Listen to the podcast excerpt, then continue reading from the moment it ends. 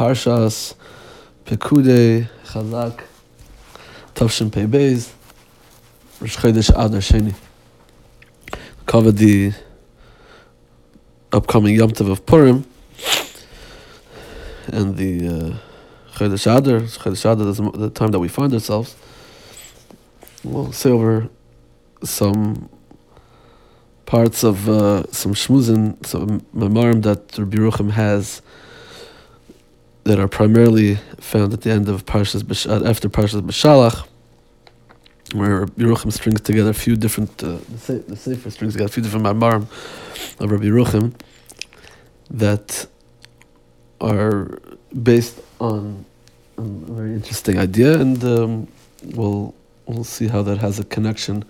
Shaykhis to Purim, or Shaykhis to Amalek, to the Haftarah of Amalek with Shaul and, and Shmuel, Shaul Amalek and Shmuel Anavi. A very interesting idea. So, the idea is as follows. the Chet of Shaul Amalek is a very fascinating one. It's a big topic that's discussed at length. What exactly, what happened to Shaul Amalek when it came to wiping out the nation of Amalek and Agag? and what was what happened there? What exactly was what, what was the whole sugya? What was Shaul thinking? What was going on? So Rabbi Yerucham has a few maimarim here, like we mentioned.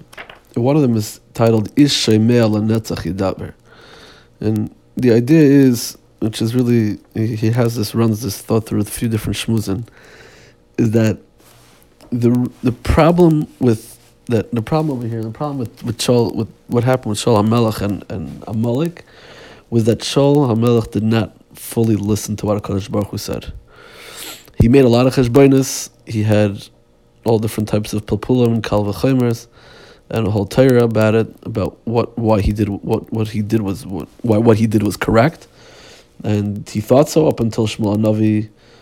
Um, you know, up until Shmuel Navi told him otherwise, what he thought he did was he thought what he did was correct, but Chazal say that he didn't fully listen. That's that's what the Rabbi Yerucham's focus is on over here. Shaul HaMelech did not take what HaKadosh Baruch Hu said to the fullest extent of how it was supposed to be understood, which was actually, in a way, its most simplest form, without any pilpulim and saying this and understanding that and, and making your own cheshbainis. And that was the problem. And Rabbi Yochanan goes even deeper and he says that really the shirish of that, the shirish of doing that, of not fully listening and fully heeding what HaKadosh Baruch Hu commanded, is a chasar in yiras Shamayim. Because when you are hyper focused, when you're when you're because of your because of a yira, then you're gonna listen. You're gonna listen and understand everything that has to be that has to be done. You're gonna be you're gonna listen to what you were told to do, right? If you're not don't don't we shouldn't confuse anxiousness and and yira, but when someone has a proper yira, has a proper respect of Hakadosh Baruch Hu, then there's no doubts, right? And it's with anything, right? If you you're hyper focused on what has to be what what's being said because you have that yira there that commands your utmost respect and attention so you're that much more um, assured that you're, you're going to hear and understand everything that's being told to you and it's not because it's something that's too difficult to understand. It, it had to be understood the way it was said. And that wasn't what happened. That's not what Shaul carried out. Shaul did not carry out what was told to him. Because uh, again, this is obviously with the dikdukim shabbat dikdukim of of chet that we have no concept, we have no hasagasin. Obviously, goes without saying, but but that's that's that's the limit for us here.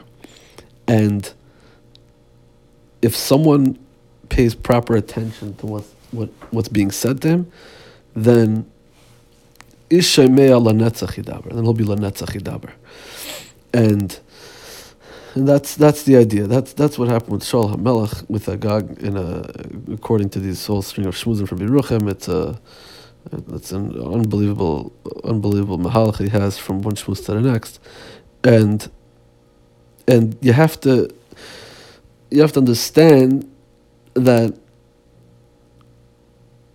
thinking like this is again, it's all based on your shemaim. It's based on on having a proper betachin and amun and Baruch. It, it it's not just um, something that stands by itself that you happen to listen to what a Hakadosh Baruch says. There's a, a lot deeper. There's a lot. There's a lot. There's a lot deeper. There's a lot of a. There's, there's more of a, a depth here than just the shitchistic listening to Kadosh Baruch.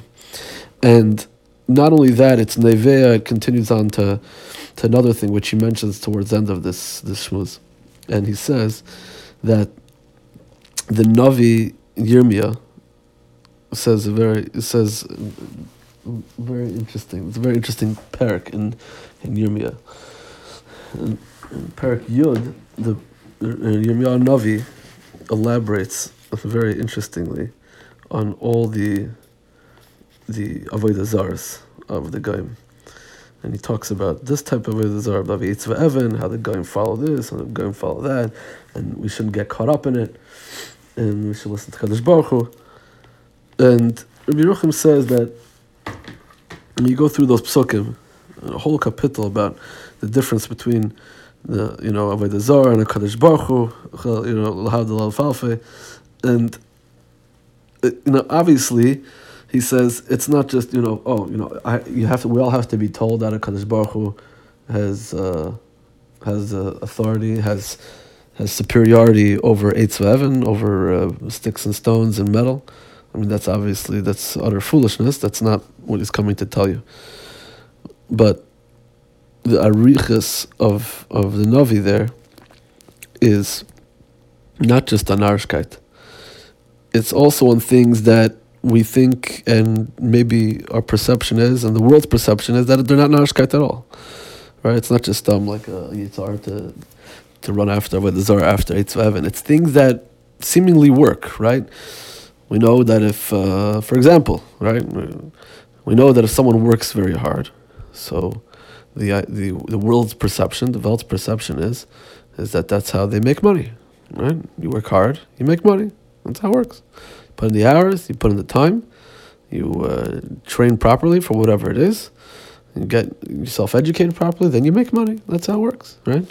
You, uh, you know, you whatever for for everything. It works like that for everything. That's what the world's perception is, right? If you prepare yourself the correct way, then you can control outcomes. That's the uh, that's what the world thinks, right? And that's what. And now, if you think like that, and if you think like that, uh, you know, in all seriousness, which m- most people do, then you take that seriously. Then basically, you're giving you're giving uh, you're giving superiority of eitz va'even over Kadosh Baruch without even realizing it, right? Because that's how we're trained to think because of the world around us. And that's what Yirmiyahu Navi is really coming to say. The things that you think are how are, are work the way they do.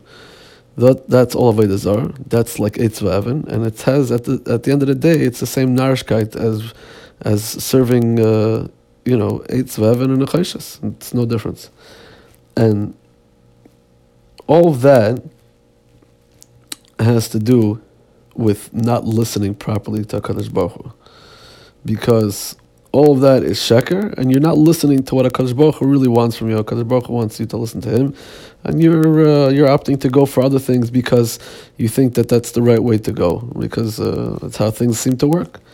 And he says that really another tie-in to Megillah Esther, to to the Yom Tov Parmis in the Megillah. He says he says that you find that idea by Esther Hamalka as well. Esther Hamalka says that the um, all the, the the nashim when they were being chosen, or they're going through the process of being chosen, as to who would be the next queen for Achashverosh. So there was a whole process that they went through, right? It took a long time, and until of getting themselves together, until they're presented. Each one had a turn to be presented in front of Achashverosh, and uh, the Megillah describes, right? Shisha quite graphically, Shisha Chadashim Shaman Amar, Shisha Chadashim Sam Samruki Anoshim right? And all these different things that they'd use to get ready.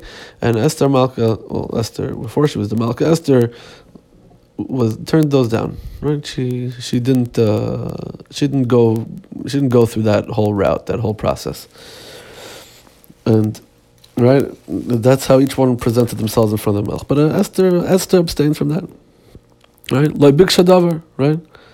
Now, Yerucham says the idea there is, is that all the other Nashim, they saw that their Hatzlacha was in their preparedness. Right? We're going to go with what how we think the Dercha Ilam is and the way, right? You give the process its due, and that's how you get that's how you see your Hatzlacha. But Esther said, no, that's wonderful. It's a nice thing. You want to do that. It's fine. You want to go through those motions. But at the end of the day, that's not what's going to get you to where you need to go. Right? There's a lot more things that you have to do in order to get where you have to go. And he says, he brings what the, what the, the, the, the, the Piyut, in the Kravitz Laparm, he says, right, Keser Melucha Mi'azahaya Muftach, it's actually in the, it's actually in the brach of, of uh, Valat Tzadikim, which is the the the bracha where we mention betachen and Hakadosh Baruch Hu is that as a Hakadosh Baruch is a mission of miftach latzadikim, and it says miroish ad ekev liba Botach from her head and from her head until her her ankles, her heart was beiteach, butzla amir miftach. Right, that's she was beiteach. What what she was beiteach in was not the process that had to be done. And in fact, she even abstained and she didn't go through the process like the other Nashim went through. She went through a, a, different sort of process, right? And and and that's not that's not how she she uh, that's not how she got herself to ready for for Achashverosh. That's not how it works. And um, he says that right? Someone who, who, who puts their belief fully in that slichas abaisim, in that in that jar of besamim, so we know where they're going to end up. That's not where the Yeshua is going to come from, right? And that's what the Navi is saying. Hevel, right? He says he brings the end. That's the the, the, the pasuk says in Yirmiyah in Perak Yod Hakol Sorry, uh, Hevel Hema Maiset Tatuim basically Das Avedu.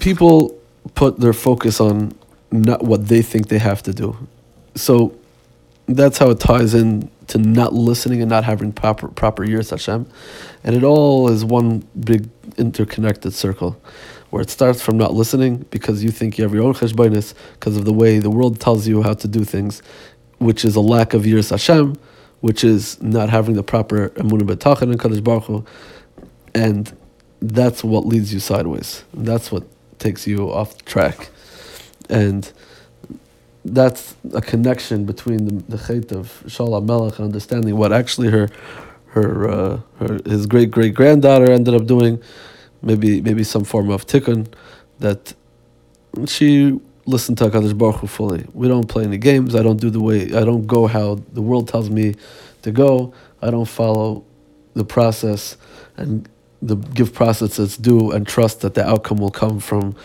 will be as according to how I how I planned and how I prepared.